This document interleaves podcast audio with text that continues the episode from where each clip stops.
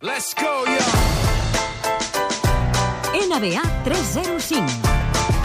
Vamos, Jaume! Perquè, perquè estigui tot allò ben quadradet. Vamos, Jaume, Jaume Navera, bona nit. Bona nit, Garriga. Avui fas NBA. Sí, i a més en una setmana carregadeta, eh? A veure, va, Navera. per Comencem feina, amb el aviam. nostre tema de la setmana rere setmana.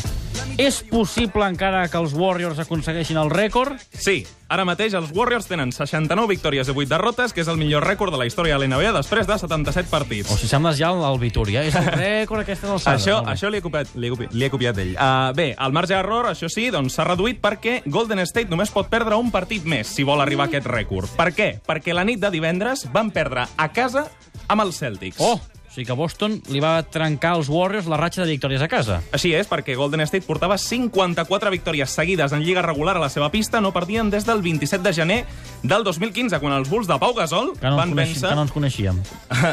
Per què? No ens coneixíem, tu i jo. ah, el bueno, 17 és de veritat. gener és Del veritat. 2015. No, no, el, no, no, no, només pel Twitter. Ah, quan els Bulls de Pau Gasol van vèncer a la badia de, de San Francisco. Així es narrava a la televisió americana al final de partit on els Celtics van trencar la ratxa. It is Livingston to trigger. Two players down. No timeouts. Has to get it in. Green at the top. To Curry. Steph fakes. Three for the tie. No! Jerebko tips it. Out to Barnes. Step back. Three for the tie. No! And the Els Boston Warriors tenen Celtics- dos triples per aconseguir l'empat, però ni Curry ni Harrison Barnes acose- aconsegueixen ficar-los i acaben perdent. Va, i ara, per, per assolir el rècord, quants partits queden? Bé, doncs, queden 5 partits de... Sí, queden 5 partits de Lliga, per tant, doncs, han de guanyar-ne 4 i, i perdre un només, i li queden dos partits contra San Antonio. O sigui que eh, Sí. està sí. difícil a- aconseguir el rècord, però és possible. I el primer partit entre aquests dos equips serà la nit de dijous a divendres. O sigui, que la nit d'això de divendres es podria... No, encara no es podria esfumar el rècord, no? No, encara no. No, no, encara no. Podrien quedar al límit. Exacte. Bé, i un altre rècord dels Warriors. Doncs sí, perquè el partit contra Portland, els Warriors van convertir-se en el primer equip de la història de l'NBA que arriba als 1.000 triples.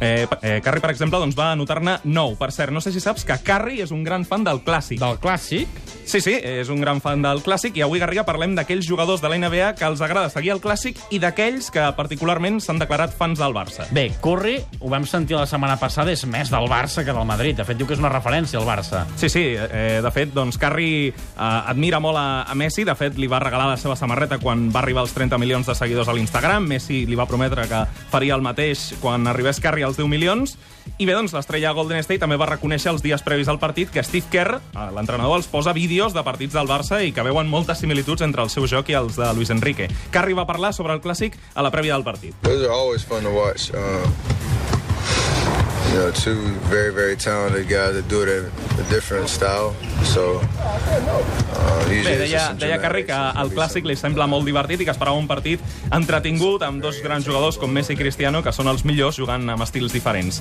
Uh, I bé, doncs, no és l'únic jugador de la NBA que també és fan del clàssic. Va, dona'm més, més fans del clàssic de la NBA. Doncs mira, Dirk Nowitzki també va parlar a la prèvia del Barça-Madrid i recordava la seva experiència personal amb el Barça-Madrid i és que pocs dies abans d'un Barça de les Mavericks, a l'octubre del 2012, doncs hi havia clàssic al Camp Nou i va anar amb tota la plantilla i deia que va ser una gran experiència tant per ell com pels seus, com pels seus companys. De fet, aquell dia, doncs, tota la plantilla a Dallas eh, es va fer una foto a fora del Camp Nou amb bufandes del Barça. Veus que bé? Novitski, per cert, que és, farda, és fan del Norwich City. Ah, sí? És un, Aquesta és no un la afic- sabia. Sí, és un aficionat... Està bé, això. Sí, sí, patidor, a més. Kobe Bryant és l'altre superfan del clàssic. Exacte, el mític jugador dels Lakers l'hem vist múltiples vegades vestit amb la samarreta blaugrana i fins i tot va dir al 2012 que en 3 anys jugaria al Barça, ho escoltem. Venga a jugar a Barcelona. Has tenido el año complicado, ¿no? Dame, dame, dame tres años voy a jugar aquí. Me- Barça, Barça me encanta. Claro, ya lo sé que te encanta. Más que, más que Madrid. Más que más. Bien, bien. Això quan va ser? Això va ser el 2012, quan... Sí, ja anem tard. Sí, sí, ja, ja anem tard, ja, ja no serà possible, però Kobe Bryant ho va dir, i a més està recollit. Um, parlant de clàssics, Kobe Bryant... Què m'has de dir de Kobe Bryant? Bé, va- doncs que va- ahir va jugar precisament el, El seu de clàssic, l'NBA, no? el clàssic de l'NBA, Lakers Celtics, eh, va fer un gran partit, va anotar 34 punts, però al final els Lakers van perdre per 7, per 7 punts, 107 a, a 100, i és una altra decepció més per a un uns Lakers que no viuen un bon moment ni dins ni fora de la pista, perquè ara el clima al vestidor doncs, s'ha tornat encara més tens. El vestidor més tens, què està passant? Bé, anem amb una mica de crònica en rosa, eh? Durant la setmana passada doncs, va sortir a la llum a una web de, a una web de Jaume premsa. Naveira ens fa Corazón Naveira. Bé, doncs va sortir a la llum a una web de premsa del cor un vídeo on Nick Young, el jugador dels Lakers, reconeixia haver estat infidel a la seva nòvia, la rapera Iggy Azalea. A veure, un moment. Un vídeo on Nick Young juga... I aquest vídeo qui el va fer? Doncs el va fer D'Angelo Russell, que és company de Nick Young als Lakers, i tot això ha generat una sèrie de conseqüències. Iggy Azalea, que estava promesa amb Young, doncs ha dit que ja no es casarà amb ell. Uh, Iggy Azalea, a més, doncs, va dir a Twitter que li agradava el vídeo i que li agraïa a Russell que l'hagués publicat, i a més sembla que els companys li estan fent el buit a D'Angelo Russell, que a principi de temporada prometia molt perquè va ser el número 2 del draft, però del que ara només es parla per, per aquest embolic. És molt embolic, això, eh? Sí, sí, És molt embolic. Sí, perquè a més el publica sense permís. Sense permís Exacte. del jugador, lògicament. El grava sense que l'altre se n'enteri de que l'està gravant.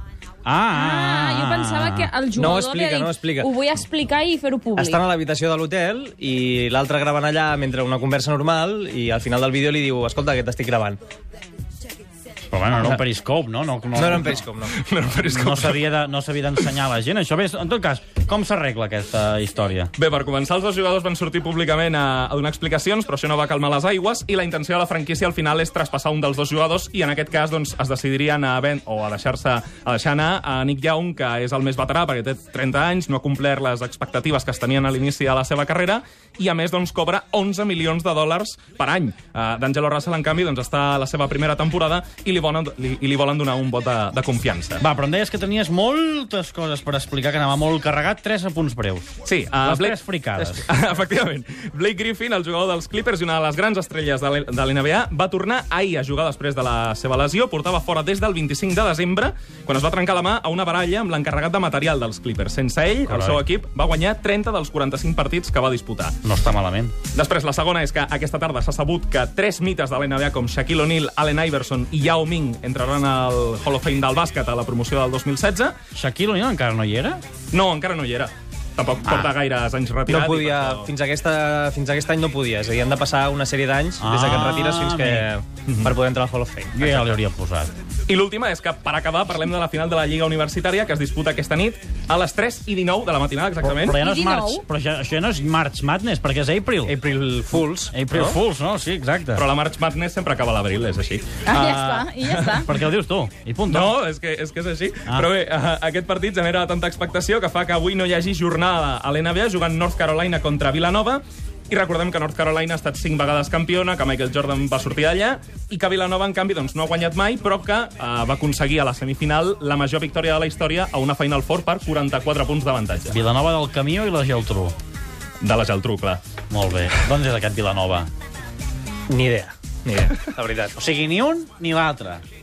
Però, escolta, ho han Quin fet desastre. bastant bé. Home, una secció va- que va... Jo patro- avui feia futbol, no? Una Vilanova secció no... que va patrocinada, ho hem de saber, això.